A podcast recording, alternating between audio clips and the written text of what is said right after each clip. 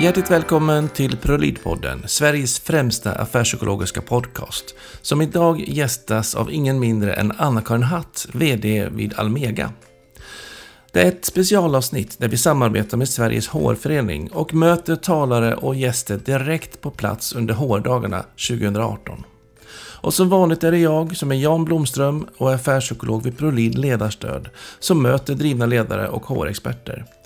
Men här har jag också fått förstärkning vid min sida i form av 2018 års Magnus Söderström-stipendiat Richard Mårtensson som är medgrundare och seniorkonsult vid Human Heart HR. Nu kör vi!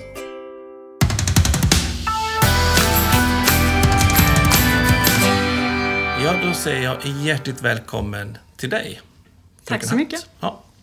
Och eh, kan inte du berätta lite grann vad du har kickat igång HR-dagarna med? Men jag har pratat om eh, det som kan se ut som en paradox, att vi idag har en ganska kluven bild på svensk arbetsmarknad. Å ena sidan så har vi otroligt stark kompetensbrist. Eh, många sektorer, inte minst i tjänstesektorn, där företagen fullkomligt skriker efter kompetens och har jättesvårt att hitta rätt kompetens. Å andra sidan så har vi ganska hög arbetslöshet. Eh, det har jag pratat om, hur hänger det ihop? Hur kan vi ha stark kompetensbrist och hög arbetslöshet samtidigt? Ja. Mm. Ja, det är spännande. Det vi funderar mycket över är ju också hur det här med automatisering kommer påverka kompetensbristen. Vad tror du? Tror du att automatiseringen kommer kunna lösa stora delar av kompetensbristen? Eller vad ser, vad ser Almega för, för framtidsfrågor när det gäller automatiseringen? Ja, en del av kompetensbristen kommer det kunna lösa. Eh, för det är klart att jag kan tycka att under ganska många år så hade vi en ganska negativ diskussion i Sverige om, om automatisering och robotisering. Eh, där, där frågan var, många påstod att nu kommer jobben att försvinna, Robban, robotarna tar över. Mm. Idag har vi ju en mer nykter diskussion där vi faktiskt diskuterar att ja men det kanske är bra, alltså det är något som har pågått eh, under lång tid att, att kunna automatisera monotona jobb eller farliga jobb, det är ju i grunden jättebra. Mm. Och har man kompetensbrist så är det klart att det är ännu bättre om vissa jobb kan utföras av någon annan än, än människor. Eh, så att vi kan spara den mänskliga kompetensen till det som är verkligen genuint mänskligt och där, där människan eh, behövs. Sen är det klart att automatiseringen innebär att det är andra kompetenser som kommer att behövas också. Någon ska sköta robotarna. Mm. Någon ska kunna programmera dem och kunna hantera dem. Och det, det är en ny kompetens som ju växer. Ja, spännande. Vi, vi, alltså, jag läser lite grann på Stefan Fölsters rapport utifrån mm. Oxford-studien att vartannat jobb beräknas kunna automatiseras inom 20 år. Mm. Och det är lite spännande att titta på de här olika typerna av yrkena, vilket vilka yrken man inte bör satsa på. Mm. Eh, ja, för vissa är ju lite mer återvändsgränd ja. och andra liksom mer framåt. Jag, jag tillhör en av dem, jag, jag, har stor respekt för Stefan Fölster. Jag, jag tycker det, han, han har ju varit väldigt framgångsrik i att just föra ut den bilden apropå att vartannat jobb kan försvinna. Men ja. det finns en annan sida av sanningen som, som också måste lyftas fram och som jag ser i tjänstesektorn. Det är ju också att det kommer nya jobb som vi inte kunde drömma om skulle finnas eh, bara för några, för några år sedan. Om vi tittar på många av de jobb som folk jobbar med idag. Man är webbutvecklare och apputvecklare och jag vet inte vad. Det var jobb som hade någon ställt frågan för tio år sedan så hade man inte kommit på att det var någonting som, som människor skulle jobba med Nej. idag. Och det gäller ju nu också. Ja. Att ja, en del jobb kommer att utföras på andra sätt. Men det kommer också komma nya jobb som, som vi inte har idag. Nya arbetsuppgifter som inte finns idag. Och väldigt många eh, jobb och eh, yrken kommer att finnas kvar. Mm. Jag var på en i förra veckan superintressant eh, dag där eh, Wallenberg Foundation hade tagit initiativ till på Handelshögskolan där forskare pekade på att det är ganska få yrke, yrken som kommer att försvinna, men det är ganska många arbetsuppgifter som kommer att förändras. Mm. Och det är också viktigt att komma ihåg att mm. är, många kommer att bli påverkade av automatiseringen, men det är ganska få som kommer att se sina jobb helt och hållet försvinna. Vad har HR-branschen för roll, tänker du, i en sån del? För jag tänker liksom att, okej, okay, om arbetsuppgifterna försvinner, men inte rollerna. Alltså arbetsplatserna finns fortfarande kvar där skulle ju, tänker jag, HR kunna vara en viktig roll att faktiskt vara med och driva på att man också följer efter i formen. Så att inte man har en tjänst kvar, men man jobbar med andra saker än vad man gjorde för tio år sedan. Mm. Så hur, hur, ser du på liksom HRs roll framöver i den här spelplanen? Jag tänker att den blir viktigare och viktigare. Alltså det är ju så är det ju redan i många företag att man, man betraktar HR inte bara som en, en eh, service för medarbetarna utan som en affärskritisk funktion. Eh, och så är det ju, inte minst i många tjänsteföretag så är det ju så. Medarbetarna är ju den enda resursen som man har. Men jag skulle säga så här att, att som HR-medarbetare eh, eller HR-chef eller HR-ansvarig så måste man ju eh, vara en superviktig spelare i att, att eh, se att det är inte så att att arbetena kommer att försvinna men arbetsuppgifter kommer att förändras. Och vara med och identifiera framtida kompetensbehov, kompetensgap, Eh, vara med och hjälpa ledare få den stöttning och utveckling som man behöver för att vara ledare på dagens, i dagens arbetsmarknad med gränslöst arbetsliv, med mm. medarbetare som tenderar att byta arbetsgivare allt oftare, så man behöver jobba både med onboarding och offboarding eh, och sådana saker. Det gör ju att le ledarstöd och ledarutveckling blir otroligt viktigt, men också medarbetarutveckling. Att mm. se till så att de medarbetare som har potential att finnas med i framtiden i företaget får rätt kompetensutveckling i rätt tid. Mm. Och det är sånt som, som eh, ledare behöver hjälp att få analysera av en duktig HR-funktion. Mm. Och då gäller det verkligen att HR är aktiva, proaktiva i det. Mm. Och vågar utmana, tänker jag. Mm. Så att inte man bara blir den där HR som ska gå in och ge de här medarbetarenkätrapporten eller någonting, mm. utan vara med. För jag tycker man ser att man, man eh, är liksom mån om att få in rätt kompetens och, och, och, bemanningen liksom på det sättet. Men så kommer medarbetarna in i en arbetsstruktur som kanske är från 1700-talet, mm. eller i alla fall ganska gammaldags, som var mm. rätt förr. Och då tappar ju de här goda talangerna sin kraft. Mm. Och då kommer inte HR riktigt in och kunna påverka vilka förutsättningar behövs på arbetsplatsen för att man ska prestera bra. Mm. Där tycker jag att man har en, en utmaning. Vad, vad, sitter ni med för erfarenhet där? Mm. Jag skulle säga så att jag tror man behöver göra ett mentalt skifte, eller vi behöver alla göra ett mentalt skifte. Vi har ju varit vana i Sverige vid att eh, det, har alltid funnits människor att ta av. Eh, mm. Och svenskar i allmänhet är väldigt välutbildade. Så det har i allmänhet funnits liksom... Man har kunnat plocka från hyllan. Man har kunnat plocka, liksom, kunnat byta ut och, och så. Idag är det ju liksom det är ju medarbetarens marknad. Mm. Det är ju jättetydligt. Mm. Alltså, en, en anställningssituation när man sitter i en rekryteringsintervju handlar ju lika mycket om där den arbetssökande idag ställer frågor, vad kan ni erbjuda mig? Som, som man ställer frågor om, vad kan den arbetssökande erbjuda oss som företag?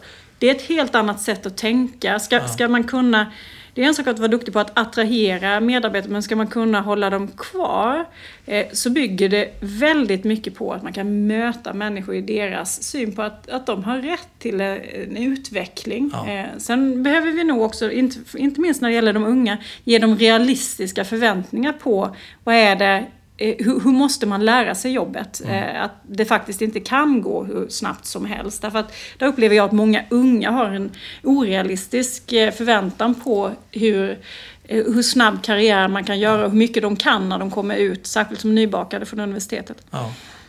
Känner man ju själv när man var 18, man kunde ju allt. Men det har blivit mm. ännu värre. Det har, ja, men det har förstärkts skulle jag säga. Och det, eh, det tror jag är en del av den här tidsandan. Och det förstärks också av, av kraften på arbetsmarknaden. Att, att det är klart att har du många arbetsgivare att välja på, eh, mm. du kanske inte ens behöver gå, gå klar din examen, eh, så, så är det ju lätt att man tappar dem efter ett par år. Eh, och då behöver HR både anstränga sig för att kunna hålla kvar dem lite längre och mm. samtidigt hitta bra processer för att snabbt få in dem i verksamheten, fungerande onboarding och fungerande offboarding så att inte kompetensen går ut genom dörren vartannat år för då är man ju, ja, det det. Eh, har man en svår situation eh, konkurrensmässigt som företag. Och man kan ju inte vara ny särskilt länge heller. Det har inte heller råd med. Man Nej. måste snabbt in i produktion. Ja. Jag jobbar som affärspsykolog i vanlig dags mm. och äh, möter mycket på de här resonemangen kring att hur man kan beställa sitt ledarskap när man kommer in som ny och alltså, hur ska jag snabbt komma i produktion? Då måste jag också våga som medarbetare säga att okej, okay, nu är jag här. Jag har lovat arbetsgivaren att prestera det här jättebra, mycket bättre än alla andra som har sökt tjänsten. Och då behöver jag mer av det jag gör det här, eller behöver mindre av det där för att jag ska prestera gott. Mm. Och då har vi den här starttiden mycket kortare och man kommer mycket mer i dialogen om vad är, vilka bilder har vi utav mm. vad som behövs. Mm. Och det Så gör- det här samtalet är viktigt, tänker jag. Ja, det är det. Och det, det ställer stora krav på, på ledarskapet, tänker jag. Jag tillhör ju de som tycker att liksom, begreppet chef borde man egentligen utmönstra ur Svenska Akademin nu, för det leder tanken fel. Det är, väldigt, det är väldigt få organisationer som behöver få medarbetare som vill ha en chef, liksom på det, arbetsledande chef. På det, men däremot så, vill, så behöver man ha en, en duktig ledare som, som kan leda medarbetarna. Och det, det förutsätter ju att vi då investerar i ledarutveckling, att vi har goda ledare. Men det förutsätter också att man organiserar sin verksamhet så att ledaren har en förutsättning att göra ett riktigt ledarjobb.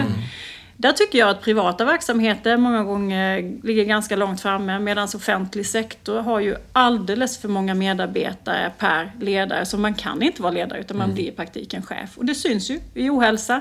Det syns liksom i att man inte är lika attraktiv eh, på de arbetssökandes radar. Det där är ju intressant. Jag satt hos en, en kund igår och pratade, en, en, en eh, HR-direktör i en, i en eh, stor kommun i Sverige. Vi resonerade just om ledarens uppdrag. Och där var vi nog framme i att ledaren kanske är en möjliggörare istället. Eh, att vi, och att medarbetaren är en genomförare. Och det, här pratar vi väldigt mycket om för att eh, det vi ser, och det tror jag att du har helt rätt i, att den offentliga sektorn eh, har en tendens i att, att bemanna alla viktiga projekt och grupper, eller vad det nu må vara, med, med chefer. Och samtidigt ska chefen också vara ledare ut i verksamheten. Vilket gör att det är väldigt svårt att, att både vara närvarande ledare samtidigt som man ska vara nu, experten i, i någon viss funktionsgrupp. Eh, så jag tror att här finns det en stor kulturutmaning att, att, att jobba med och, och kanske börja diskutera eh, på ett högre plan tror jag. Vad, vad är ledarens roll i, i, i samhället idag? Hur ska ledaren agera? Vilken uppgift har man? Samtidigt tänker jag också att om man då är ledare i en lite mindre verksamhet, ja, men då kan man vara ledare och förutsättningar kring det. Kommer man med de stora personalgrupperna och använder samma grundstruktur som när man har en liten grupp, det är då man sliter ihjäl sig. Och det är då ohälsan kommer. Och det blir en, en ensamhet eller en, en ledarlöshet i grupperna. För att man, man hinner inte se vart ledaren vill att jag ska vara. Men där finns det ju också ganska många olika sätt hur man kan jobba med en annan typ av struktur och ändå kunna vara ledare fast man har större grupper. Kanske inte 50-60 som vi sa, men ändå så finns det en hel del strukturella delar att göra, tänker jag.